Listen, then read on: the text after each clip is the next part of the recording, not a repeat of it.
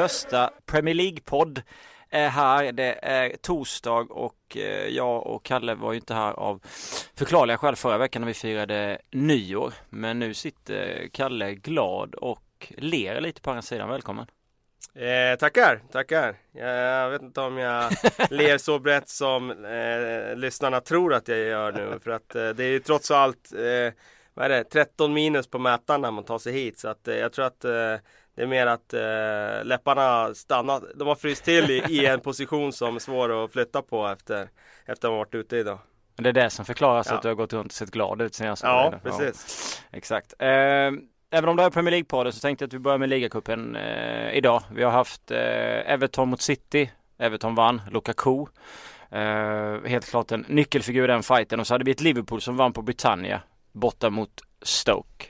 Eh, två resultat som jag kanske trodde skulle gå åt andra hållet nästan i båda fighterna. För jag tycker att Stoke har sett så otroligt bra ut på Britannia och så alla Liverpool skador och sen har vi då Vi kan väl börja med Everton först och främst då som, som vinner mot Manchester City hemma med 2-1. Ja, eh, jag håller väl inte med om kanske ehm, profetian där. För min del så såg jag nog Liverpool som favorit i sin semifinal. Jag såg även faktiskt Everton lite som favorit i, i den du går semifinalen. Helt mot ja, jag går helt mot det där. Ja. Och inte bara på sådär med magkänsla. Eh, Everton eh, var ju bra igår. Eh, det var en bra match tycker jag.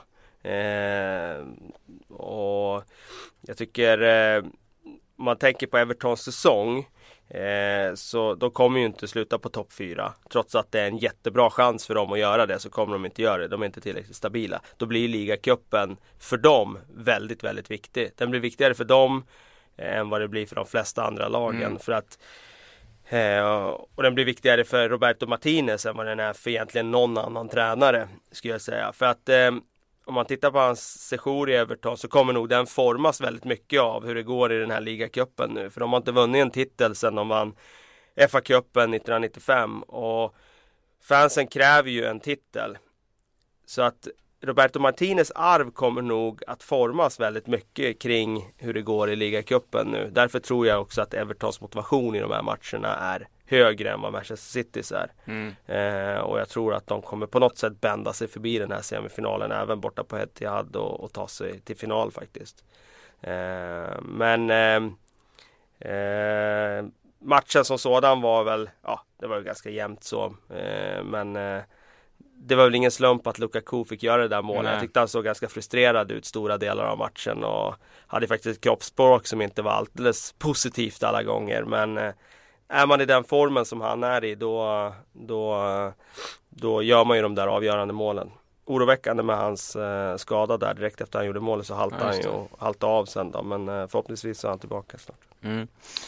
På tal om skador, eh, nämnde i förbifarten lite snabbt med Liverpool mot Stoke. En match jag såg på redaktionen när jag jobbade. Liverpool vann med 1-0. Och eh, det som var mest liksom, eller som är påtalande där var ju att Coutinho går ut och sen en kvart senare går Lovren ut och sen i slutet så haltar Kolo Touré runt också. Eh, han fick en varm krav av Jörgen Klopp efteråt. Jag vet inte vad Klopp sa till honom men det var väl Han kämpade ju vidare och bytte inte trots att han eventuellt hade skadat sig. Och det gör ju någonstans att Liverpool har ju nästan blivit av med varenda mittback. De saknar ju i stort sett mittbackar. Det var ju Lukas som gick ner och spelade mittback. För att de har ju inga. Skartel är borta, Sarko är borta, Lovren är borta, Touré är skadad. Ja det är helt sjukt hur det kan eh, bli så. Alltså skadekriser eh, är vi ju vana vid att lag drabbas av. Men att alla fyra mittbackar dras med skada det kan jag knappt minnas. Då är vi tillbaka på Manchester United där när de åkte till Fulham borta och spelade med Michael Carrick och Darren Fletcher i mittförsvaret tror jag. Eh, men alla fyra mittbackar borta, det är, eh, ja, det är extremt faktiskt. Mm. Uh, men gjorde ju ändå en, uh, gjorde ändå det de skulle där och Ja starkt vann. att vinna där borta ja. med de förutsättningarna, det får man ändå säga. Och Eh, Ligacupen är viktig för Roberto Martinez. Jag tycker att den är kanske som allra viktigast för honom och Everton. Men den är ju självklart väldigt viktig för Jürgen Klopp också. Absolut. Eh, hans lag blandar och ger väldigt mycket hittills. Eh, de kommer inte heller sluta på topp 4 tror jag. Eh, och då är det självklart att en titel för honom och få den bara ombord direkt i sin Liverpool-karriär ger ju arbetsro. Det kommer att liksom göra att fansen kan peka på den där ligacuptriumfen eh, under en sommar när det annars då kommer att vara väldigt eh, stor osäkerhet om man återigen missar Champions League. Mm. Jag tycker man saknade lite energi i ett Stoke som har sett väldigt eh, väldigt bra ut eh, på slutet. Eh, men det ska vi då följa och se ifall det bara var en, ja, några omgångars företeelse eller om de kommer kunna leverera mer under våren. Vi kan väl prata om det lite senare. Men... Jag tycker de också är ganska ojämna. Alltså det är ena matchen så, så är de bra och nästa så faller de. Mm, det har ju sett ut så. så att, uh... Men om, om, vi tittar på skadorna. Är det Klopps uh, fotbollsfilosofi som har gjort det här? Eller vad beror det på att liksom att de har ju, du har ju Danny, Danny Ing som är borta. Du har ju Danny, att Danny Sturridge är skadad kanske inte är något konstigt. Och sen har du väl Henderson som är borta. Jag tror det är åtta eller nio man totalt. Jag har inte alla i huvudet. Gomes är borta, Flanagan är borta. Tio stycken är borta tror jag. Uh, Tio ja. skador har de. Ja, Flanagan, Gomes, Origi är borta. Och sen alla mittbackarna. Ja. Eh, alltså det är svårt att säga. Jag vet inte hur det är med just med träningsnivån och så eh, under Jürgen Klopp om man har dragit upp den rejält. Eh, alltså träningsmängden. Då blir det naturligt att det blir mycket skador. Eller att det bara är att de liksom tränar på något annat sätt. Mm. Att det kan göra att eh, kroppen reagerar och att du drar på dig skador. Men det man kan säga är ju att jag tror dels det finns en faktor i att de kanske springer mer löpmeter mm. nu under Klopp och att det tröttar ut spelarna och att man drar på sig skador av det. Just att det blir hamstringskador gång på gång på gång. Det är ju Skertel, det är Sturridge, det är Rossiter, det är Origi Lovren Det, det är Lovren senast, det är Coutinho det, det, är lite för många Det är självklart någon, där måste man ju, alltså det är väl ingen slump det, Där måste man ju se någon slags trend och man måste vara eh, väldigt positiv som eh, Jürgen Klopp om man liksom hävdar att det inte har någonting med vad de gör. Sen är det ju intressant med just om man tittar i ett större perspektiv med antalet skador. Det är väldigt mycket skador nu i Premier League jämfört med vad det var tidigare. Då kan man också titta på hur har spelet förändrats. Från åren 2006 till säsongen 2006-2007 fram till eh, 2012-2013. Det är alltså sex års eh, spel. Så under den tiden så springer spelarna i genomsnitt 2% mindre per match, alltså kortare sträcka, totalsträcka. Men antalet högintensiva löpningar under den tiden har ökat med 30% och antalet aktioner har ökat med 50% och antalet sprint, alltså antalet sprinter har ökat med 80% och det är ju så extrema siffror. Ja, det är helt sjukt. Det, det är otroliga siffror. Och alltså, Det innebär att, säg att spelarna då sprang, de springer på ungefär 1,1 mil per match. Nu. Eh, de sprang lite längre förut. Men eh, antalet meter som de tillgodogör under hög hastighet nu, det är extremt mycket större. Eh, och det, det är, är självklart att det påverkar skadebild och och, och sånt också. Man lallade omkring mer för. Man joggade omkring mer, det var inte samma. Spelet förändras ju mm. hela tiden. Alltså går du ner på fotboll på 60-talet så kanske de gjorde fyra max, eh, alltså mm. sprinter som skulle klassas som sprintlöpningar idag. Eh, och idag ligger liksom allsvenska spelare, de kan ligga på en 40-45 sprinter en ytterback på en match. Och sen om man mäter Champions League så, så finns det spelare som har kommit upp i 100 sprinter på en match. Och det är ju eh, liksom, när sporten utvecklas så behöver man ju flytta fram gränser hela tiden och just det här med höghastighetslöpningar det är ju någonting som, som har blivit väldigt, väldigt påtagligt under de senaste 7-8 åren i fotbollen att det har ökat rejält. För det är inte bara Liverpool som sagt. Vi har pratat om Manchester United som har haft mycket skador. Vi har pratat om Arsenal. Många eh, klubbar. Eh, mitt gäng Newcastle har haft mängder med skador och det är massvis med fler klubbar som också haft mycket skador. Så det är, något, det är verkligen en en riktigt, riktigt tråkig trend som har varit i Premier League. Eh, att det har varit så mycket skador som har förstört så mycket. Det är helt otroligt att en klubb som Leicester ändå har klarat sig ja, så pass mycket. Men de, de har ju ingen, det kan man också fundera vidare kring. Liksom, nu spånar jag fritt här. Men de har ju inte den där högintensiva fotbollen. Nej. De sitter ganska lågt i sina positioner i försvarsspelet. Och sen satsar de på att hugga när de ja. väl får ett läge och går framåt.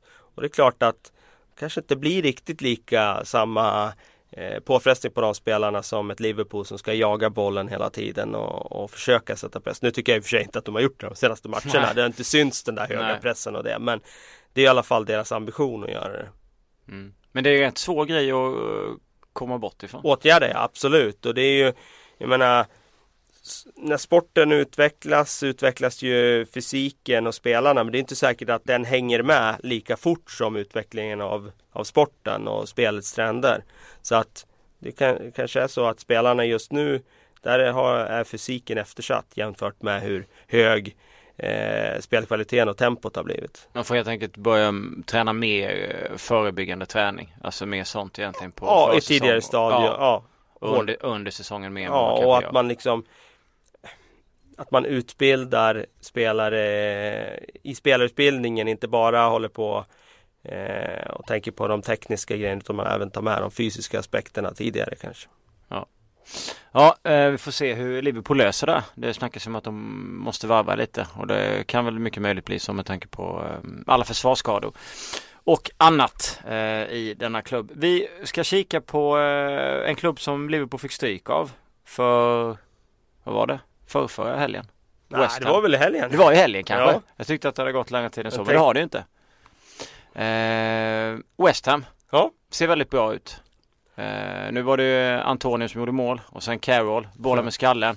Eh, lite släkten i vastvarning som alltid kom upp på något sätt. Ja. Vi hade det i, eh, vad heter han, Lennon eh, för Everton mot Tottenham ja. och sen hade vi Carroll för... Det var därför jag trodde Peter Crouch skulle göra mål nu när han fick hoppa in mot Liverpool. Här. Det hade ju varit eh, enligt manus. Men eh, ja, nej, de, de, är ju, de är ju ganska enkla West Ham. Mm. Eh, de utnyttjar sina starka sidor i den matchen ja. och, och, Liverpool gör det inte. Och därför vinner de. Alltså, har du Andy Carroll på plan och utnyttjar hans styrkor då är han ju nästan eh, jag ska inte säga att han är ostoppbar, men eh, han kommer alltid skapa oreda. Om lagkamraterna bara springer runt omkring han och är med när han nickar ner bollar. Mm. Så uh, om de bara levererar inlägg med tillräckligt bra kvalitet, då kommer han ju göra mål eller nicka ner bollen till någon som kommer få bra läge. Uh, så att, ja det är en det är en jäkla tillgång att ha en sån spelare som är så stark i luften uh, som han är. Och sen tycker jag faktiskt att, jag menar, han är ju inte liksom värdelös i spelet runt utan, eller liksom med boll heller. Eh, det finns ju vissa nickspecialister som är sämre i spelet runt omkring men han, han, han kan använda fötterna också och gör det funktionellt tycker jag. Alltså han gör det lite utifrån sina resurser. Det är inte någon som någon dribbler på något sätt men han spelar rätt enkelt. Och jag tycker han visar sådana här matcher hur nyttig han är. Mm. Men den spelaren i West Ham annars som jag är mest imponerad på det är ju, eller, ja, det är Mark Noble. Eh, Fantastisk match. Ja, eh, han eh, eh har varit bra i många år. Eh, en underskattad spelare som eh, både tar ett enormt arbete i båda riktningarna men som dessutom jag ska inte säga att han är Carrick på det sättet för han är inte riktigt så bra kanske i speluppbyggnads liksom, aspekten men han har ett väldigt bra passningsspel och när han kombinerar det med det här hårda jobbet och, och det ansvaret han tar i båda riktningarna då, då är han ju extremt eh, värdefull. Alltså. Skapade en del rubriker, inte bara för sin insats utan även för att han plockade upp en plastpåse mitt under matchen och stoppade innanför byxorna. ja. Som han sen twittrade om, eller han la ut det på Instagram, jag kommer inte ihåg, men det var kul i alla fall. På tal om eh, ansvar. ja, precis. Eh, för miljön. Och sen Antonio som gör mål, andra matchen på raken. Första målet mot Southampton i eh, West Ham var ju väldigt speciellt. Han ramlar ju, han går in från kanten där och får... Ja, drömmålet med Ja, får bollen på typ på sig. Men han var ju väldigt bra i... Det var lite av ett Fredrik Jönsson mål. ja, lite så. Ja, men han var ju väldigt bra i Nottingham Forest. När de plockade honom därifrån. Och sen har han inte riktigt, riktigt fått de chanserna i West Ham. Förrän nu då. Eh. Han är ju en sån där spelare som man, eh, alltså man ser, han är begränsad. Mm. Eh, det är ingen spelare som kan ta ligan med storm med teknisk kvalitet. Men när han har den där fysiken och när han jobbar så liksom konsekvent som han ändå gör när han gör sitt mål vinner bollen långt ner. I och för sig skulle det ha varit frispark. Men ja. vin, tar ändå tacklingen. Domaren blåste ju inte så att uh, han vann den här kampen. Han tar löpningen hela vägen upp på, på, i offensivt straffområde och sätter dit den. Uh, Sådana spelare du får alltid ut någonting av dem när de har den där fysiken, är beredda att lägga ner hårdare arbete än vad andra gör. Och han är jobbig att möta med den där tyngden han har. Mm. Uh, så det känns som att han passar i West Ham också. Ja men han erbjuder lite något annat också. Alltså när de har Paille och när de har Lanzini ja. och sådana som kan hålla bollen inom laget och trilla lite eh, offensiv tredjedel. Och så har de två monster dessutom i mm. Carroll som kan nicka ner Antonio som kan löpa och bryta igenom med ren liksom råstyrka. Då har de ju olika egenskaper. Eh, så det blir svårt att, att läsa dem. Mm. Ja, de har också haft lite skador men nu är Paille tillbaka. Nu på E tillbaka. Jag trodde faktiskt han skulle vara borta ett par tre veckor till. Mm. Eh, han är, då. Han är men han satt ju på bänken nu och ja. hoppade in här och det var ju oerhört positivt för honom. Så jag får man säga innan vi lämnar West Ham, alltså James Collins form just nu är ju eh, sensationell. Mm. Han har ju suttit på bänken egentligen när säsongen startar bakom Ogbonna som har varit väldigt bra mm. tycker jag. Och Winston Reed som är deras bästa försvarare. Men eh, nu är det ju Winston Reed som är på bänken eller utanför laget och eh, jag ser inte, han skulle spelas in just nu när de spelar så här bra. Collins har ju varit eh, West Hams bästa spelare sett i de tre senaste matcherna tycker jag. Han är ju eh, ett monster där bak. Alltså han, Nej, allt som kommer in i eget straffområde tar ju han hand om. Och han har ju alltid varit den där backen som kan göra extremt bra matcher bara för att han eh, är så tuff och kompromisslös mm. i, i närkamperna. Och när det väl funkar för honom då då sticker grymt. han ut. Ja. Men eh, nu när han liksom radar upp match på match och är så här bra då, då då förstår, förstår, jag inte varför de skulle släppa honom. Det har ju varit lite rykten kring att det finns intresse kring honom. Sunderland till exempel. Mm. Jag tror för Sunderlands del skulle han betyda enormt mycket. Han skulle kunna ja. rädda kontraktet åt mm. dem. Bara för att han har den spelstilen som han har. Och det engagemanget han visar på plan gör att han höjer alla runt omkring sig också. Sen får du köpa att en sån mittback, jag menar han är ju inte Han är ju inte Thiago Silva. Nej. Det är klart han kommer göra misstag mm. under resans gång men eh, han eh, ja, jag gillar ju honom. Jag är väldigt svag för honom för att han är så tuff, hård och stark. Mm. Eh, på tal om Sunderland. De fick ju vinna den här matchen som var så otroligt viktig. Mot Aston Villa. 3-1. Uh, inte för att vi tror att de räddar säsongen efter den, för den, uh, med den vinsten. Men det var ju verkligen en sån här måste-match. Aston Villa hade ju verkligen, verkligen, verkligen behövt vinna den. Det är ju helt otroligt egentligen. Ja, vi har sagt det några gånger ja. men ja, nej, men det är klart att uh, tåget har ju redan börjat ja, rulla och de, de, de, de hade ju mer och mer ja. distanserade på den där perrongen. Ja. Nej, nu, nu skulle de ju såklart ha tagit en trea och fått lite liksom hopp, men det känns ju som att de blir liksom ett derby som blir helt avhakade. Mm. Eh, och bara kommer att få se eh, sig själva eh, liksom eh, helt jävla eh, parkerade på bottenplatsen. Eh, finns ju inga pengar att, att handla Nej. spelare för nu i januari. ny, ung, Premier League-rutinerad tränare. Jag menar, jag hade haft lite hopp om man hade tagit in Tony Pulis eller jo. Sam Allardyce, någon som hade gjort gjort sin grej tidigare, been through the circus och Ja men så man kunde lita lite på som ja, vet hade ett och så CV, spela liksom. rakt enkelt och kan mm. grisa till sig poäng men nu ser jag ju inget hopp alls så det, det kommer bli um, degradering. Är det inte en risk också att eh, antingen folk lämnar om det kommer andra klubbar för att man vet att man är på väg ut eller att man mer mindre börjar spela lite för sig själv för att man vet att det är viktigt att hitta en ny klubb? Kan ju vara så. Kan ju vara så. Och då blir det ännu absolut. sämre. Ja, det, det finns ju absolut en sån aspekt när man känner att man inte riktigt har kontakt heller med lagen uppe utan det blir liksom, vi är redan ur. Eh, för det är ju inte som när Sunderland och Leicester i tidigare säsonger har vänt på det i slut utan här är det ju verkligen sågen av. Ja, så är det. Um. Jag, jag läste något intressant, jag tror det var, var det Mirror som hade gjort någon granskning av uh, klubbar som åker ur under mm. hela Premier League-eran. Och så var det ju, det är ju ganska liten andel som tar sig tillbaka eh, inom ett år. Det var ju bara mellan en tredjedel och en fjärdedel, mm. alltså klubbar som tar sig tillbaka på första försöket. Eh, och där är ibland är det ju två klubbar som gjort det två gånger. Mm. Så Newcastle har väl gjort mm. det två mm. gånger till exempel. Eh, så det är svårt att ta sig tillbaka, svårare än vad man tror. Ja.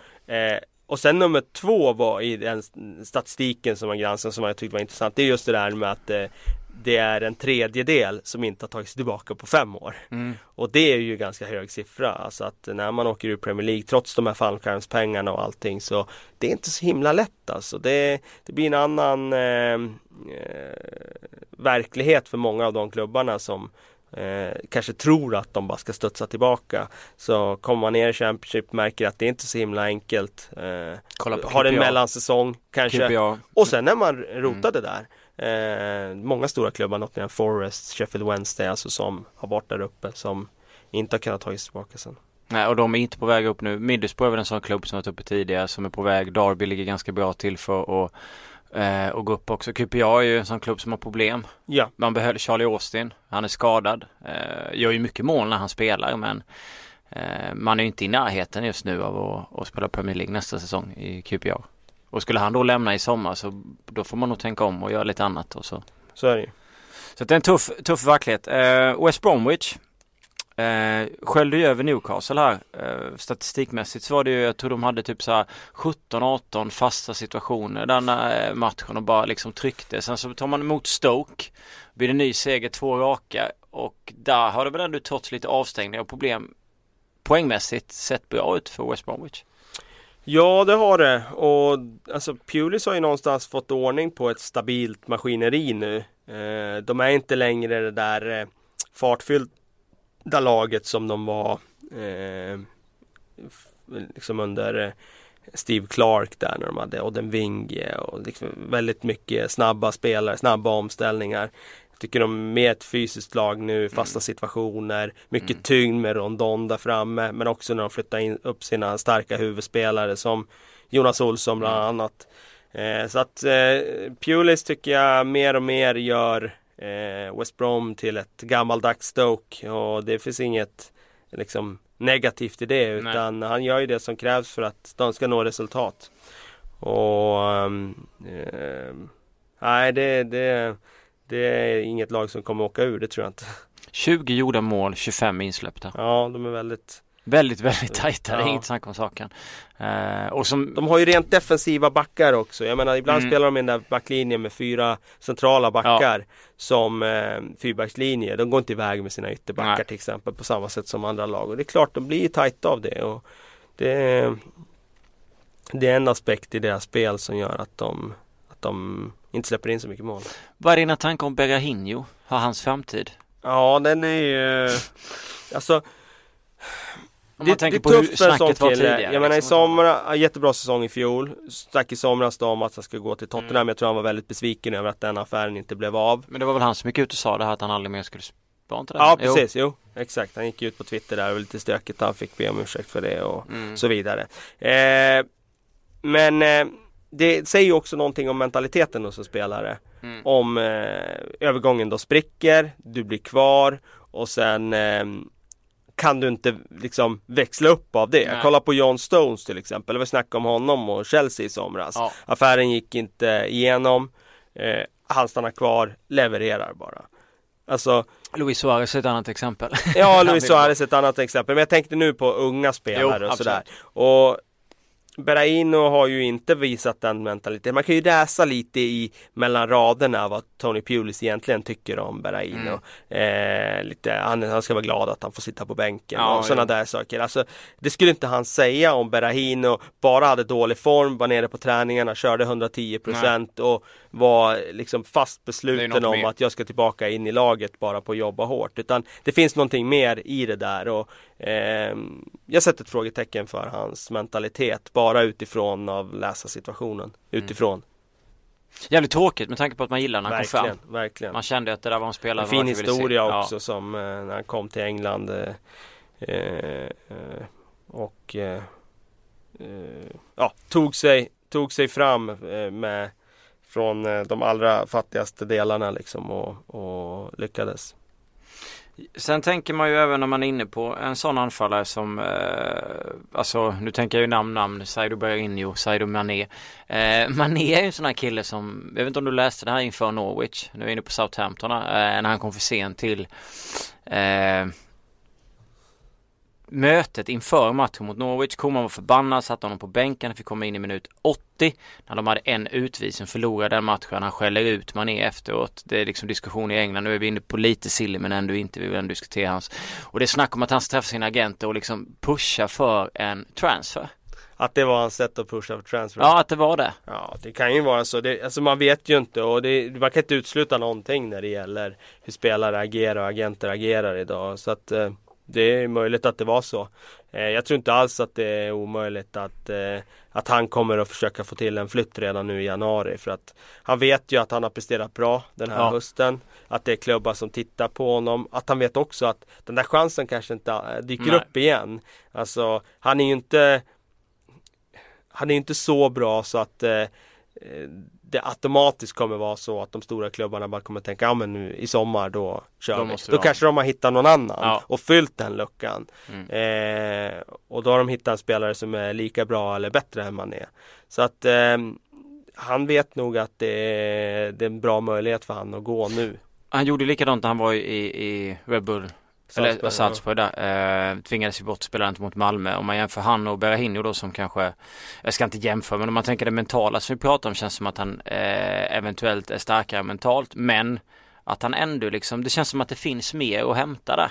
Alltså han har ju visat kvalitet, nu vet det här hattricket han gjorde. Han det är ju en härlig spelare att titta på. Men det känns som att det finns mer liksom att plocka. Det borde vara liksom Jag tror att han skulle må väldigt bra av att komma till en bättre klubb där han inte står så mycket för eh, kreativa ansvaret. Att det är han, han som bara hela tiden ska liksom. få saker att hända. Ja men se, se, låt säga då att han skulle komma till ett eh, Chelsea och spela på, låt säga att han skulle spela i Chelsea och spela på ena kanten och ha William på andra kanten. Det är Chelsea som fungerar pratar vi om nu. Ja, ja precis. Det var dumt med Chelsea. Vi tar något annat lag. Vi tar, ja, vi tar Manchester United då. Mm. Som är ute efter honom. Låt oss säga att han kommer dit då. Eh, Martial på vänsterkanten. Som drar på sig väldigt mycket bevakning. Så det automatiskt skulle göra att han, när han får ut bollen på sin högerkant, att han skulle ha eh, mindre uppvaktning och, mm. och, och större ytor att operera på då. Och det skulle liksom gynna honom. Så ja, jag tror att det, han skulle gynnas av en, av en flytt så. Mm. Och han skulle nog behöva den där flytten också för att ta sitt spel ytterligare någon nivå. Mm. Eh, han har ju vissa liksom begränsningar i sitt spel idag men tycker att skulle han bara få lite bättre spelare runt omkring sig så skulle han säkert kunna eh, steppa upp någon, någon så. Och han behöver göra det också. Jag menar, han behöver kanske bli lite mer konkret i sitt spel och jämnare. Eh, många matcher där han kanske har lite för låg lägstanivå idag. Ja, jag tycker det. Det känns som att det finns mer att ta.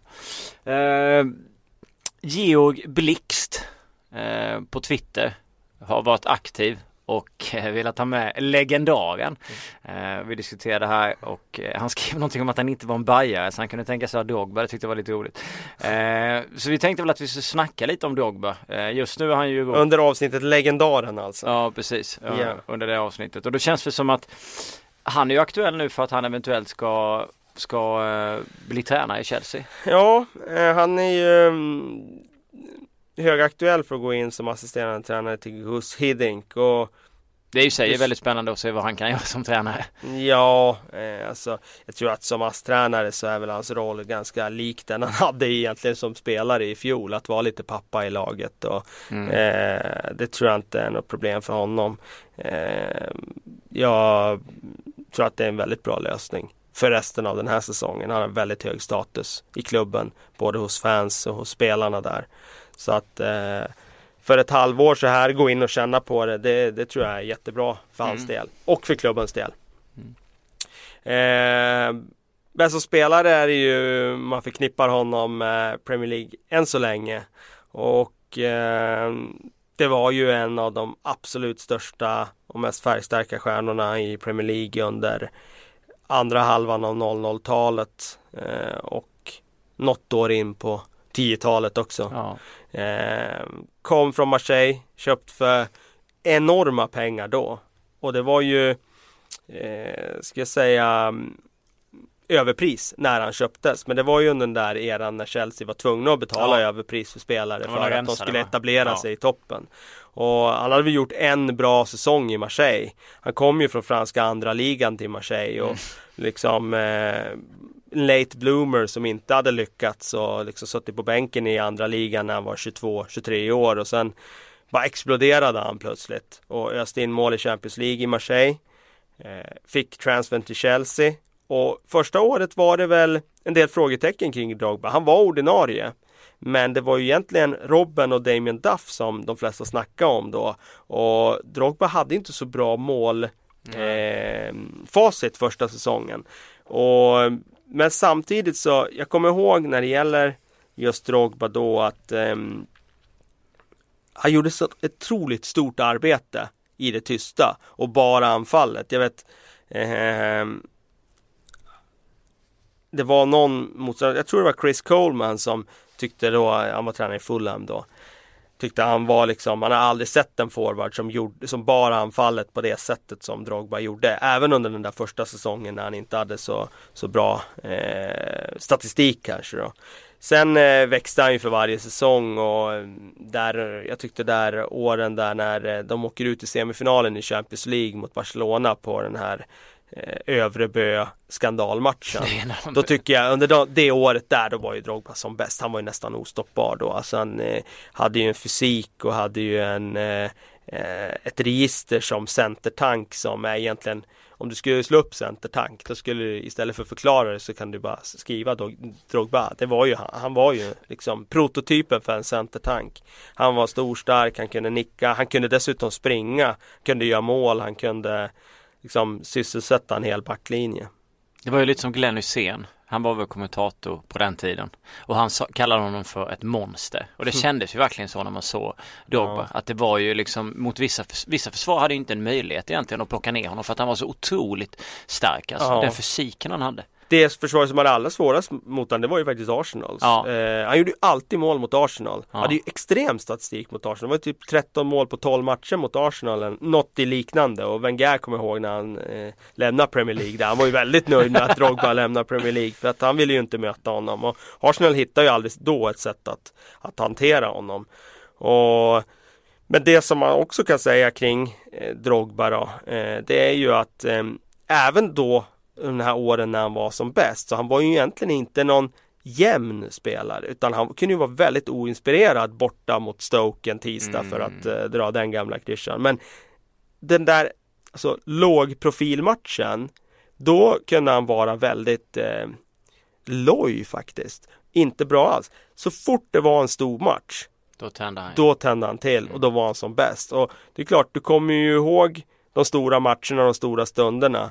Och eftersom han alltid var som bäst i de största matcherna så är det ju det som är minnet som lever kvar idag mm. och det är därför han är så stor. Och det är därför han också klev fram när det behövdes som allra mest i Champions League-finalen 2012 när Chelsea ska liksom ta den här största historiska titeln eh, i klubbens historia och han eh, sätter kvitteringen med två minuter kvar av ordinarie mm. tid i en match där Chelsea överhuvudtaget inte var med på banan. Eh, nickar in den klassmål och sen såklart då sätter med den avgörande straffen. Där är han ju odödlig i Chelsea-historien. Där blir han ju liksom legenden eh, Drogba som kommer att leva väldigt, väldigt länge. Mm. Ja, fantastisk, eh, fantastisk, fantastisk lirare. Man, eh, sen, du var inne på Överbo och det där kommer jag aldrig glömma heller. Han var ju så otroligt förbannad.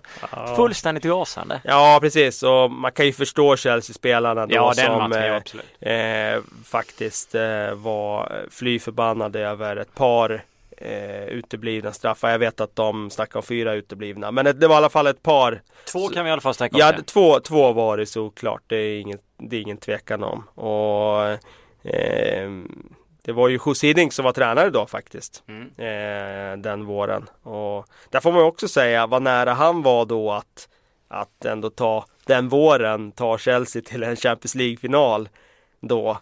Eh, det hade kanske förändrat hans eftermäle ytterligare. Nu är ju fortfarande ett ganska positivt liksom, bild av hans vård där. De mm. vinner FA-cupen och, och han lyfter laget då efter. Say hello to a new era of mental health care. Cerebral is here to help you achieve your mental wellness goals with professional therapy and medication management support. 100% online. You'll experience the all new Cerebral way, an innovative approach to mental wellness designed around you. You'll get a personalized treatment plan from a therapist, prescriber, or both in a safe and judgment free space. Your cerebral therapist or prescriber will outline a customized plan with clear milestones along the way so you can get to feeling your best. With Cerebral, you're not alone in your mental health journey. We're here to empower you to live a fulfilling life. So take that first step towards a brighter future and sign up today at cerebral.com slash podcast and use code ACasts to get 15% off your first month. Offer only valid on monthly plans. Other exclusions may apply. Offer ends July 31st, 2024. See site for details. och så vidare. Men eh, hade han dessutom tagit dem till en eh, Champions League-final och till och med kanske vunnit den då mot Manchester United, tagit revansch för 2008 Moskva straffförlusten eh, eh där så hade ju eh, Hiddink också varit eh, odödlig i Chelsea-historien. Ja absolut. Uh, nu är han ju där uh, och kör och hade ju en 3-0 mot Crystal Palace. Ett Palace som har gått lite sämre på slutet. Vi nollade ett par matcher och fick stryk hemma. Har ju skador givetvis med Bolasi och Kabay och så vidare. Så det är klart att det är jobbigt för dem. Uh, men Chelsea har nu, vi pratar mycket om Chelsea, eh, vilket ni får köpa med tanke på den säsongen som varit. De är 13 poäng efter Tottenham som är fyra. Tottenham som by the way också går väldigt, väldigt bra. Men kommer man kunna fixa en Europaplats Sidink? Jag tror inte att de fixar en Champions League-plats. Det tror jag inte. Jag tror att eh, Jag tror inte att de är så liksom bra Chelsea så att de bara kommer gå rent nu. Eh, utan de kommer fortfarande ha sina dalar även under Hiddink, mm. även om det är 2016 nu. Mm. Eh, de gjorde en jättebra match nu mot Crystal Palace men jag litar inte på det här Chelsea. Eh, på det sättet så att jag bara säger att ja, ja, men nu kommer de gå som tåget. Utan jag tror att de kommer göra sina plumpar fortfarande. Hazard är ju fortfarande långt ifrån form och skadad nu igen och alltså mm. det blir ju det här eh, eh, stabilt lag men de behöver kanske Nazard i topp topp form för att vara det där laget som är eh, titelkandidat och bara vinner matcher mm. på rad och bara radar upp en svit på tio matcher liksom. Vi snackade lite innan vi drog igång här om att vi skulle, vi skulle sia om framtiden när vi kollar på Premier League. Uh, och vi kan väl börja i botten. Vi har ju pratat om Aston Villa så otroligt mycket och det är väl inget snack om förutom att de kommer åka ur med dunder och brak. Ja, för att eh, inte bara slå fast det självklara så kan vi titta lite längre fram än så då. Ja. Eh, jag tror inte att eh, Villa går någon positiv framtid till mötes, tyvärr. Nej, nej. Eh, jag önskar det för en mm. jättefin eh, traditionsrik klubb. Mm. Varit ute och vunnit stora titlar i Europa. Eh, jag tror att de kommer att åka ner i Championship, bli kvar där. Få bygga om. Från, eh, från grunden och de kommer inte ta sig tillbaka inom två år. Nej. Utan de kommer tyvärr ligga i Championship eh, ett par år och kanske sen lita på att den fina akademin som ändå producerar en del spelare eh, kanske gör att de eh, eh, lyfter sig. Men det som kommer krävas tror jag det är ett ägarbyte där. Och att man då får in kapital på något sätt. Och att det kan bli en ny start för klubben. Men eh, det förhoppningsvis blir eh, Championship det reningsbadet som Aston Villa behöver för att komma tillbaka till den nivån man hade tidigare för säg 7-8 år sedan när man ändå eh, slog som Champions League-platser faktiskt. Agbon Lahore 29 år, spelar han där hela karriären? Eh, nej, det tror jag inte. Det har ju varit rykten om han i januari nu. Jag tror att eh, Villa till exempel om de åker ur Ah, I och för sig, då kanske jag skulle behöva han där nere då, lite hjärta och lite så. Mm. Eh, men eh, eh, skulle de ta ett sportsligt beslut här och nu så tror jag att de skulle släppa han i januari och satsa nytt. Sunderland känns också som en klubb som åker ur och det känns också som en klubb som behöver rensa. Ja. Utan snack. Det känns ja. som att de åker ur och rensar minst halva truppen. Kasta ut alla och värva James Collins så kan ni ta er tillbaka. Nej men eh, skämt åsido. Eh, de eh, skulle men också... Be- men jag har känt, med, om man tar Sunderland då, så jag har ju känt länge att de behöver det där reningsbadet med Championship. Mm. De har klarat sig med livhanken mm. liksom på sista... Borini har kommit in och löst det i slutet till exempel. Ja, någon gång kom han in och löste det och någon gång var det väl eh, en jäkla massa tur också som gjorde att de Wickham var bra några rundor. Ja, precis. Han gjorde massa mål där. Eh, så att eh, jag tror att de också är en sån där klubb. Men samtidigt när man har statistiken som jag nämnde tidigare här med hur svårt det är ändå att ta sig tillbaka så kan man inte säga att det, det, är bra att åka ur. Nej. Det är klart det inte är bra att åka ur och missa de här enorma Nej, intäkterna och så. Men det jag menar är att det kan bli ett reningsbad för en klubb som Sunderland där eh, saker och ting har blivit sämre och sämre och sämre lite grann för varje år. Eh, dels hopp står ju till Sam Allardyce. Eh, jag tycker att han är en tränare som eh, han är kapabel till att liksom, rädda det här sjunkande skeppet. Ja. Newcastle? Ja, jag tror att de grejar kontraktet. Tror du tror jag. det alltså? Ja, jag tror det. De var ju bra mot Arsenal. Jag vill tro på, det åkte där på en också. smäll. Eh, de var ju det och mm. det tycker jag var en jättepositiv insats mm. faktiskt. Eh, jag tycker en sån insats som den ska de verkligen ha en fjäder i hatten av. Det är så de måste spela. De måste vara svårslagna, de måste vara tajta bakåt. De måste vara mm, liksom, får inte tro att de är för bra. Man måste veta vilka man är, var man ligger i tabellen. De ligger där nere, då får man, då får man vara disciplinerad och jag menar i den matchen skapar de dessutom mycket lägen. Men det, tycker mm. jag, det, det, är en följd tycker jag av att de är tajta bakåt. Det gör att då får de också kontringslägen, då får de också lägen att spela framåt. Men det som var förvånansvärt i den här matchen det var ju att Arsenal var så svaga ja, som herregud. de var. Eh, och att de bjöd in Newcastle till att verkligen eh, liksom vara med i matchen och spela fotboll på samma villkor egentligen. Och äga boll och sådär. Eh, ja, det, det var lite förvånande. Men på kort sikt så behöver ju Newcastle få in en kille som inte eh, liksom tänker så mycket utan har lite flyt i det. Alltså någon som om du kollar på Everton det är 0-1, du kollar på Arsenal det är 0-1. De har mentala smällarna som ändå kommer när du gör hyfsade bra matcher. Everton är klart att du var sämre men du släpper in målet ganska sent, det är ganska tungt och så vidare. Och istället att tänka om och istället för Varberg Mitrovic som är relativt dyr för att sen sälja om han går bra för att han är ung så ska du varva folk som har kanske lite mer the flow, lite äldre, skitsamma, plocka en Charlie Austin. Nu kanske inte ska göra det i vinter för att han har varit skadad mycket, men du läste ju om Lacazette till exempel. Mm. Varför skulle han lämna eh, tryggheten som han ändå har i lån även om det inte går så bra när EM väntar till sommaren. Det känns mm, som att han ska mm. gå till en kaosklubb då liksom. Ja, ja. Så, det var du som sa det. Ja, jo men, men det är lite sådär så det känns som att de ska ha in någon kille som inte liksom funderar så mycket över det och har flitet liksom oavsett ålder. In där och kör liksom ett par stycken. Är det något namn du tänker på då? Ja, alltså det har ju varit mycket med, ja, men man vill ju ha in en sån här typ som liksom så som Luke, eh, alltså Remi var när han kom. Ja. Eh, det kändes som att han bara liksom flöt på och gjorde sina mål och resten av laget kunde stänga och spela ganska bra försvarsspel. Kan inte plocka tillbaka honom då? Jo, men frågan är om det funkar igen liksom. Jag vet inte. Mm. Nej, comebacken kan vara lite slurig alltså. Jag är inte säker på det. Så det är svårt att hitta. Men det är väl liksom det kortsiktiga. Sen långsiktigt om de skulle åka ur. Alltså herregud, jag vet inte. Med alla med den blandningen med holländare och fransmän och hela den här biten ner i Championship och spela där nere. Ja. Det vill jag inte ens tänka på. Nej. Eh, vad har vi härnäst? Vi har ju ett Swansea. Ja. Som vi ändå har förtroendet av att, eh, eller tron på att de ska klara sig relativt bra i vår eller?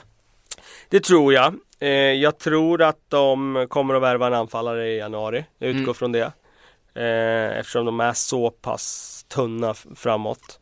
Eh, och får de in någon som gör mål så tror jag att de löser det till slut. De behöver få igång sina nyckelspelare. De behöver få igång en sån som Jefferson Montero till exempel. Fantastisk inledning av säsongen. Sen har ju han faktiskt stagnerat och varit eh, bänkad stora delar av hösten också. Mm. Eh, inte alls eh, det där flytet som han hade i början när han liksom var ett hot hela tiden på sin vänsterkant. Behöver få igång sån som Ayew, behöver få igång Sigurdsson. Eh, får de det så tror jag nog att eh, de kommer lösa det till slut. Och i the long run behöver man en lite bredare, vassare trupp och en annan tränare eller? Ja, det är ju ett problem nu att man inte har löst tränarfrågan och att Alan Curtis är kvar mm. eh, som interimstränare. Jag menar, han klarar ju definitivt att leda dem där eh, ett tag men det är ingen långsiktig lösning. Nej. Jag tror att man skulle få mer eh, trygghet och så om man satte vem som ska vara tränare på sikt. Även gentemot nyförvärv nu när man ska gå ut och värva. Mm. Sen har vi Eddie Hausman Ja, ehm, skador, skador, de har ju, de har ju ändå bra. varit positiva får man säga, sett till vad de har drabbats av för avbräck. Mm. Att de är med så pass bra är ju jättebra bedrift av Bournemouth måste jag säga. Så att um, ja, jag, jag befarar ändå att Bournemouth uh, kommer få tufft. Men uh, jag gillar verkligen det de sysslar med där nere på sydkusten så att jag ser gärna att de blir kvar. Kan vi se dem som ett lag i, i Premier League de närmaste säsongerna? Ja det kan man ju. Det kan man absolut. Ja. Eh, det tycker jag. Det finns ingen anledning till att de inte skulle kunna ligga där. Canaries, Norwich. Ja, väldigt positiv nu i slutet av hösten, ja. den här andra halvan av, av eh, Eh, Ligger på december. två vinster. Ja, alltså Alex Neil har ju gått lite under radarn här för det har inte varit så mycket snack om dem. De har aldrig varit i kris under Nej. hösten. Och de har aldrig gått bra. Nej. Så det har liksom aldrig varit något snack om Norwich. Överhuvudtaget. Och jobba i trygghet och sådär. Men nu känns det som att eh, de har ett väldigt stabilt eh, lag. Alltså en lagmaskin som bara tuggar på i match efter match. Eh, inget fantastiskt lag på något sätt, inget fantastiskt spel. Enkelt. Men de är stabila. Mm. De är raka, enkla. De har lite speed på kanterna med en sån som Redmond. De har kvalitet på en vänsterfot som Brady. De har eh, Wes Hulahan som liksom alltid kan vara matchavgörande spelare. De har ett, en uppsjö med kompetenta centrala mittfältare tycker jag. Johnny Hausen och Tette som alltid eh, är nyttiga. Eh, och sen eh, ganska enkla spelare där bak i försvaret med, med Martin och, och Basong och de här som ändå gör jobbet. Så att, eh, och får man ändå säga, Declan Rudd, andra målvakten som har stått nu, John Ruddys frånvaro har ju faktiskt övertygat också. Så att eh, jag tycker Norwich är, Norwich är en, en striker ifrån att vara bättre. Mm. Jag tycker inte Mbokani än så länge har eh, visat att han är lösningen. Jag tycker inte Louis Grabban har gjort det. Eh, jag skulle vilja ha en riktig målmaskin där framme. Då skulle de, en sån här säsong när hela havet stormar, då skulle de kunna vara på övre halvan med en målmaskin där framme. För mm. så pass bra är de defensivt. Mm. Chelsea vi pratar mycket om så vi lämnar dem och så går vi direkt på Southampton. Trettonde plats. Tar de ett par platser till. Sen säljer de ett par spelare till sommaren och sen så rullar det vidare. Ja. Saido Mené lämnar. Ja, ja jag, jag, tror att det blir en sån där säsong för SA-15 att de gör några riktigt imponerande insatser. Vilket de har gjort. Men eh, de har inte stabiliteten. De har inte eh, längre den typen av spetskvalitet som de hade förut. De har det på någon eh, spelare så. Mané till exempel mm. offensivt. Men eh, det räcker inte riktigt. Sen eh, de tappade en del med Schneiderlin. Wanyama är bra men när de hade Schneiderlin och Wanyama på mitten då släppte de inte en jävel över bron där. Nej. Nu eh, tycker jag väl inte de har samma stadga på centralt mittfält längre. Van Dijk har ju kommit in i mittförsvaret varit bra så att mm. eh, det är ju ingen fara neråt på något sätt. Liksom. De är så pass bra. Men eh, inte uppåt heller. Inte hota uppåt mot liksom topp 8, det tror jag inte. West Bromwich Lägger vi där de ligger eller? 12? Ja, någonstans där. Någon placering neråt kanske till och med. Mm. Everton 11 ses vi väl ändå gå till Uppåt ja. Både den här säsongen och även i framtiden ja, hoppas man ju på när man tittar på laget och truppen absolut. som de har. Nej, Everton är ju tillräckligt bra egentligen för att slåss om fjärdeplatsen den här säsongen. Definitivt. Eh, men de ställer till det för sig själva för att de är lite för orutinerade, lite för naiva. Så att jag tror tyvärr att det bara blir topp 8 för Everton. Men Ja. Nio kryss på 20 matcher. Det är för mycket kryss, det är för mycket matcher där man slänger bort poäng. Mm. Givna segrar som förvandlas till kryss. Revolverlaget Stoke, åtta vinster, sju förluster och fem kryss. Ett helt annorlunda där. Eh, har ju som vi pratade om lite upp och ner. Men det är ju fantastiska emellanåt, särskilt på Britannia. Ja. När de bara går ut och kör de här 20-25 första minuterna. Det var ju fantastiskt på Goodison Park också när de vände och vann jo, med 4-3 där. Nej men jag håller med dig, det är oftast hemma på Britannia där, eh, där eh, när de bjuder upp till dans där, de här musketörerna där framme, då, då eh, kan de slå vilket lag som helst. Samtidigt så tycker jag väl att eh, centrala mittfältet där är inte lika bra som det var tidigare. Där de, hade, de kanske saknar en Enson Si eh, på mitten där som eh, härförare för att ta dem liksom ett steg längre. 10, de ligger nu känns det ganska bra. Ja, det är rimligt. Ja. Watford har gått ner lite, lite grann eh, i tabellen, är nia nu mera. Eh, där, kan, där kan jag se en dipp Going down ja. Ja, och jag vet inte vad riktigt vad jag grundade på mer än att eh, de har levt väldigt mycket på uh, sin otroligt fina samarbete mellan Dini och, och Igalo. Jag tror tyvärr, en sån som Igalo Han kommer inte leverera? Nej, nej, jag tror att det blir lite dry up här i vår när det gäller lite måltorka på honom i vår. Han kommer komma in i någon period där det studsar stolpe mm. ut istället. Underbar spelare men det är få av de där eh, sensationerna som levererar liksom ett, en hel säsong. Och jag tror både han och Wardy. Det gäller både han och Wardy. Mm. De har 10 poäng ner ett streck så de bör vara ganska okej. Okay, men de har inte vunnit på tre nu. Liverpool en nionde plats tycker man ju ska klättra lite eh, innan den här säsongen är slut. Borde ju sluta bara de sju första eller sex Ja det tycker nästan. jag nog. Det tycker jag. Sex första tycker jag definitivt att de ska sluta på. Sen eh, sagt så tror jag inte det räcker till fjärde platsen för Liverpool i år. Eh, för men... mycket skada och för mycket ojämnt helt ja, he, eh, nu när de får den här skadekrisen nu så känns det som att det här året eh, börjar på sämsta tänkbara sätt egentligen för deras del. Visst, de tar sig förmodligen vidare nu då i ligacupen mm. till en final men de hade behövt ha spelare tillgängliga nu för det kommer viktiga poäng att spela om framöver. Alan Pardews Crystal Palace är på sjunde plats. Eh, jag tror att de kommer dala. det säger jag ju alltid när det handlar om Pardew för hans våg brukar aldrig vara något vidare. När ska du förstå att Alan Pardew är ett geni? ja, just det. Eh, nej men det, han, han är ju bra när han får göra lite, lite mer vad han vill än under Mike Ashley. Men hans eh, tendenser brukar vara neråt under våren. Men det kanske är annorlunda i, i Palace än vad det var i Newcastle. Nej, det tror jag inte. Eh, jag tycker man såg nu, jag menar mot Chelsea här att eh, när de har några borta så, så är det inte samma sak. Och tycker fortfarande, som sagt, de är en striker ifrån att mm. vara riktigt bra. Och jag tror inte att det håller riktigt i, i vår i länge säsongen lider. De behöver de där enkla målen av någon måltjuv som petar dit dem och den har de inte idag. Eh, jag är väldigt förvånad när de värvade Connor Wickham. Jag tyckte de skulle satsa på en bättre striker eller en mer målfarlig striker.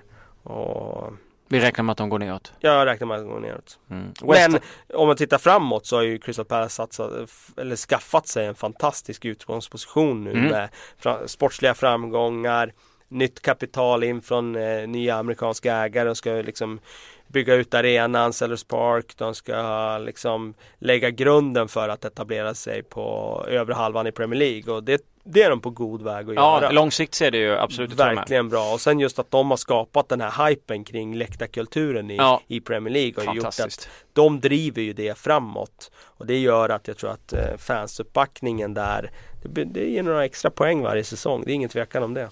Intressant också innan vi släpper Crystal Palace att de går ut och lägger ett bud på var det 27 miljoner pund var det för Simone Sasa eller om det var euro i Juventus att Premier League-klubbarna ändå kan gå ut och lägga de pengarna. Nu fick de väldigt nej i för sig eh, vad det snackas. Men West Ham sexa borde väl gå neråt va? Inte uppåt? Um, nej, Just kortsiktigt det, rimligen. Men jag tror att de, de är, ja, någon placering. Men det är definitivt övre halvan. Ja, jag ser inte att de skulle dala neråt mer än så.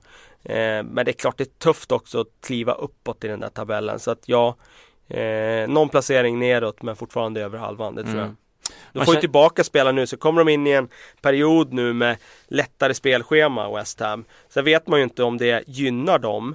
Exakt. Eller om det eh, liksom, för dem. inte, ja nästan skälper dem. För de har ju varit som allra bäst när de har mött svåra lag och det passar deras spelstil också. Möta de bästa lagen som, som bjuder upp och de får använda sina snabba spelare till att kontra med.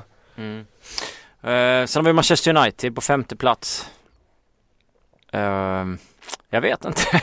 ja, det, är ju, det är så svårt att säga. Det är väldigt svårt att säga. Jag tror att de kommer lä lägga stora pengar här i januari igen. Mm. Uh, jag tror inte att de kommer att Jag tror inte att van kommer att liksom bara få ordning på bygget eh, av att han gör någonting specifikt. Det som kan göra att han får ordning på bygget det är till exempel att Rooney vaknar till liv. Nu. Gör Rooney det? Ja, alltså de senaste två matcherna så tycker jag att han har eh, höjt sig markant. Och då ska man ju komma ihåg att han startar ju nere på källarvåningen. Ja, så att han var ju katastrof i höstas mm. här. Eh, men han har varit bra nu i två matcher i rad och eh, bara av att han eh, har varit bättre.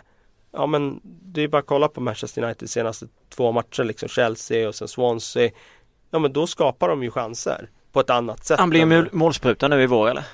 Tror att han kommer kunna peta in några bollar. Mm. Eh, jag tror att en sten lättade från hans axlar när han gjorde mål senast mot Swansea. Mm. Bara få göra slut på den där torkan. Bara få ja. peta in en boll. Och vi vet ju att Rooney alltid har varit en ketchup-spelare. Alltså när målen kommer, då kommer det mycket. Så att, eh, ja, ja, jag tror att han kommer peta in några mål. Eh, jag tror bara av målet senast får han förtroende fler matcher att spela längst fram. Han kommer göra fler mål och han kommer att eh, höja Manchester United. Sen om det räcker till att klättra i tabellen. För det finns så mycket annat där som inte eh, kanske funkar med Depay som har varit iskall och så vidare. Det, det låter vara osagt, det är jag inte så säker på. Men jag, jag tror att eh, det är det, det, som kan göra att, de, att laget lyfter, att han lyfter sig. Jag tror faktiskt att Depay lyfter sig också. Sen uh, vet jag inte riktigt vad jag grundar det på. Det är nog mer en känsla än något annat. Men Rooney definitivt. Van Schaal stannar kvar eller?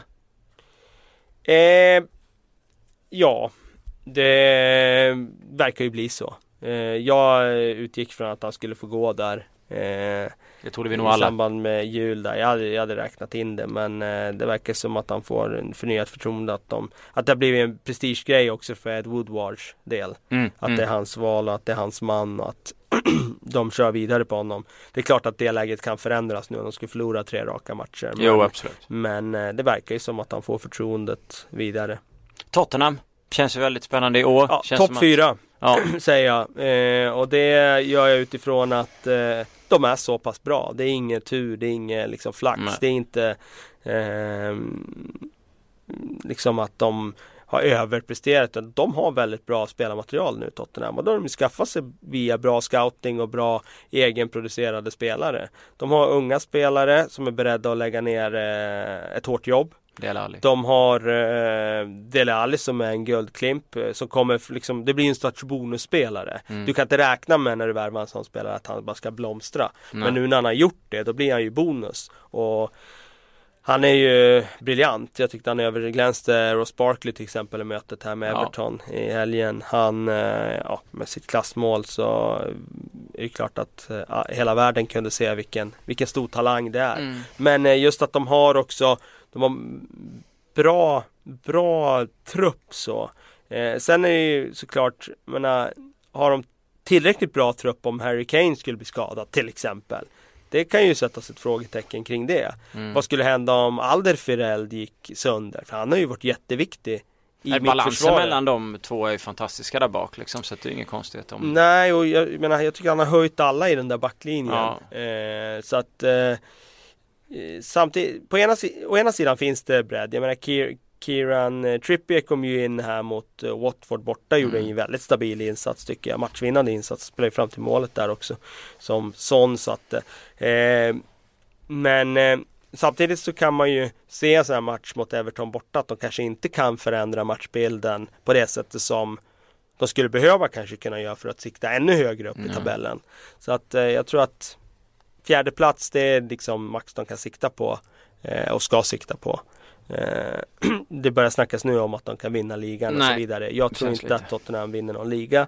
Men de har en fantastisk möjlighet nu att ta en Champions League-biljett och etablera sig i toppen. Och sen fylla på truppen i sommar. Ja, automatiskt fylla med på truppen i sommar. Och eh, den här möjligheten är för bra för att missa. Mm. Ja, de måste ju klara av det fylla på på Ja, gör de det inte nu, truppen. när ska de göra det Nej. då liksom? Eh, det är nu de har ett så här bra lag och jag menar, skulle de inte nå Champions då tappar de ju automatiskt alla eh, eller alla ska jag inte säga, men då tappar de sina bästa spelare. Det finns risken att man plock, liksom någon plockar en Dele Alli till exempel.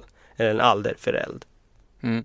Manchester City, eh, tre poäng efter Arsenal som leder. De är tre i tabellen. Eh, kommer vara med och slåss om titeln den här säsongen. Det kan vi vara överens om. Och kommer in the long run eventuellt att byta tränare efter sommaren och det blir Pep Guardiola. Ja. Eh, som det ser ut nu. Jag, tror att, jag tror att City missar titeln i år. Jag tror att de kommer sluta tvåa typ. Eh, efter Arsenal. Efter Arsenal.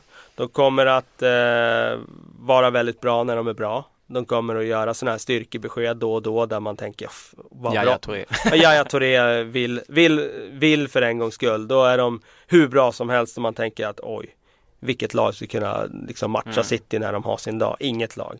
Men så kommer de gå på sina minor för att det där försvaret läcker, kompani är skadad, Demichelis gör bort sig. Det var väl ingen ja. slump att det var han som inte lyckades nicka bort inlägget som Lukaku nickade in här igår.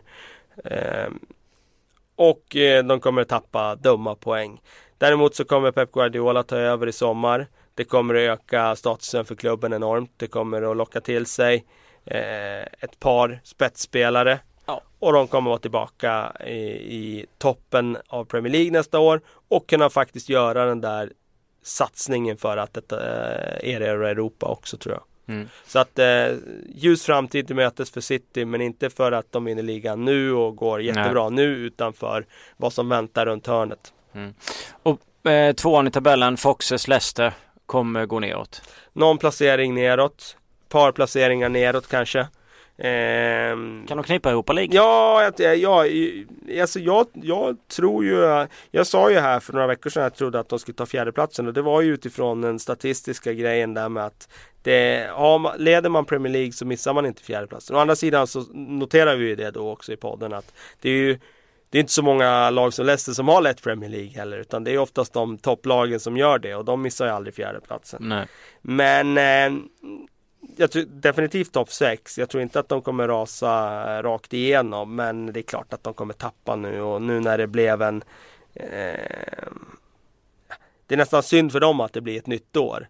De vill ju bara att 2015 ska fortsätta i all evighet för det var ju då de hade flyt. Nu blir det ju ett nytt år och nu finns alltid risken med att man förlorar någon match, kommer in i någon liksom trend med att man får skador på nyckelspelare. Wardy till exempel har ju opererat ljumsken nu. Mm. Kommer borta ett kort tag men eh, ändå eh, liten, liten eh, eh, ja, bakslag för, för Leicester där. Säg att Mahrez skulle gå sönder. Ja, förändrar ju såklart massor. Och Arsenal vinner ligan? Arsenal tror jag kommer ta ligan. Eh, jag tror att de kommer att eh, eh, åka Champions League, satsa allt på ligan, eh, ta ligan och därigenom ändå höja statusen för klubben och eh, kunna satsa ännu mer för att etablera sig på den nivån de var tidigare i början av 2000-talet där de återkommande varje år slogs om ligatiteln. Lång genomgång. Ja. Har du några mer tankar? Nej, nu är det slut på tankar. Vi kör på lite frågor eller? Ja. Joakim Wikström, han är inne på flopp. Klopp menar jag, om han är en flopp. Eh, är många för av hans skärm och se illa. Vi har pratat om skador och sånt. Eh, ja, alltså, men, kom, men kommer han lyckas liksom i... Jag skulle inte säga att han är en flopp. Eh, även om det är kul att rimma på klopp flopp. Mm. Eh, men jag tror att många eh, blir förblindade av hans charm. Eh, mm. Så är det ju och det där har jag hävdat många gånger tidigare. Att alltså, hur tränare för sig i det offentliga rummet det påverkar ju väldigt mycket av alltså allmänhetens uppfattning om dem. För de har ingen koll på vad de gör på träningsplanen. De har inte en aning om egentligen Nej. hur bra de är Nej. på sitt jobb. Det enda de kan gå på det är vad spelarna säger och eh, liksom hur de eh, eh hanterar eh, fans, media, eh, allt runt omkring. Och Klopp är ju en otroligt älskvärd person. Alltså alla älskar ju honom till sättet han är på och det gör att man ser på han med, med andra ögon tror jag. Både Liverpools fans men även neutrala fans då. Eh, de vill att, alla vill att han ska lyckas. Eh, så ja, jag tror att man är påverkad av det. Eh, men samtidigt när han kom till Liverpool så konstaterade vi ju att truppen är inte tillräckligt bra. Nej. Så det är bara att repetera det vi sa då. Truppen är inte tillräckligt bra så vad ska han göra? Eh, jag trodde ju inte att han bara skulle lotsa Liverpool till toppen så att eh, det här är väl i linje med förväntningarna i princip. Däremot hade vi kanske trott att han skulle vara hålla i det här pressspelet längre. Eh, inte prestera insatser som West Ham senast där de såg liksom lamslagna ut. Eh, energifattiga, det trodde jag inte. Det var lite roligt när han hade PK då, han körde Hamsung is the shit word for me this year. och så åker han på två baksida lår direkt efter ja, i lobbyn. Ja, det är helt sjukt alltså. ja. Premier Leagues eh, bästa och sämsta klädda frågar Frank Grand Grand Frank. Den är rätt svår va? Ja den är svår. För man ser ju inte dem hela tiden Nej. liksom. Däremot kommer jag ihåg eh... jag, jag minns fan inte. Men går Tony Pulisen, det är en av de sämsta eller? Ja, han, har, han kör ju träningsoverallen och kepsen. Man gillar ju i och för sig att han har skapat en identitet med den där kepsen liksom. Den, ja. Har man sett han utan keps någon gång? Nej. Nej. Nej. Eh, så han är den bäst klädda kanske? Han är den bäst klädda. Den sämst klädda, det måste ju vara någon som försöker vara eh, proper då. Vem fan kan det vara? Mbemba eller Florian Tauven. Någon av dem. Eh, Adam Brunem eh, Alltså han börjar prata om skadorna som härjat och då liknas det brukar vara något liknande för Arsenal liksom att de har, Liverpool har, har eh, liksom drabbats av en Arsenal-sjuka. Men vi, vi pratade mycket om skador tidigare här och vi, vi får väl lägga att det är träningsmetoder plus allt det där statistiska som du lyfte upp som är anledningen till att det är fler skador idag. Överlag i alla lag förutom att det är klart att vi tittar ju inte, vi ser ju inte när Wenger tränar och vi ser ju inte när Klopp kör liksom. Nej, det är så svårt att säga det där men eh, jag tror man ska passa sig också för Anklaga. Ja precis, alltså det blir eh, mycket att man eh, eh, spekulerar kring saker man inte har en aning om. Liksom. Mm. Simon, hur bra är Stones i jämförelse med andra unga mittbackar i världen? När borde han flytta? Nonchalant, nonchalant i sin spelstil eller ett geni? han är både och. Han är både nonchalant och geni. Eh, han är väldigt bra eh, jämfört med andra backar i sin ålder i Europa, i världen. Eh, det är ingen tvekan om det. Han har ett spel i sig som gör att jag tror att han liksom kan bli extremt bra. För att eh, det han har i sig, det är det som är svårast att skaffa sig. Alltså den där mm, elegansen, tekniken, eh, förmågan att spela sig ur situationer, lösa situationer bara genom att vända bort en forward med ren skicklighet. Det kan du inte skaffa om du är mittback och 23 år utan den, den, den har du eller så har du den inte. Eh, han behöver förbättra sin defensiv eh, och det behöver han eh, göra markant. Det kommer han göra. Det, det är sånt som kommer med åren. Eh, men jag kan också känna såklart att han, han är lite nonchalant ibland, ja. Mm. Vi får frågor om eh, unga lovande spelare i eh, Championship. Har du någon sådana du känner som skulle kunna, vi har pratat om Sun Byram i, Sun Byram i Leeds. Eh, jag gillar ju, vad heter han, i Fulham, Dembele.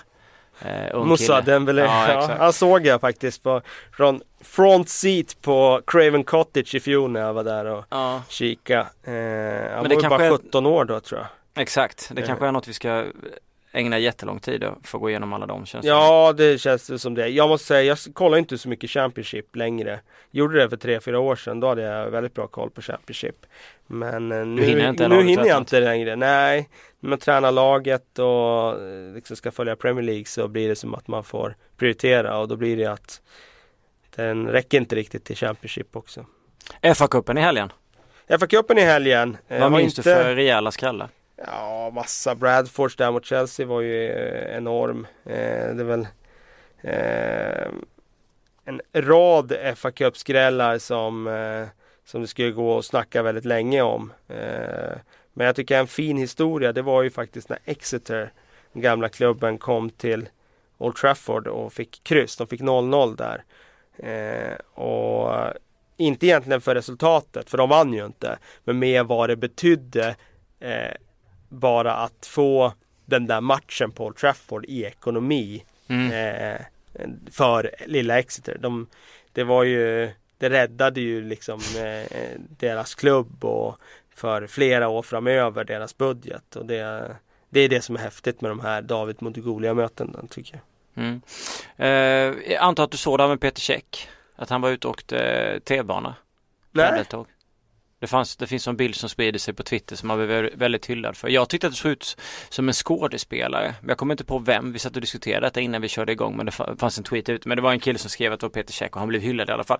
Om det är någon som ska komma på vilken skådespelare jag tänker på så får ni gärna, gärna höra av er. Eh, men en, en konspiratorisk fråga till Premier League-podden från Pontus Eliasson. Jag får lite mail emellanåt ni får gärna fortsätta mejla.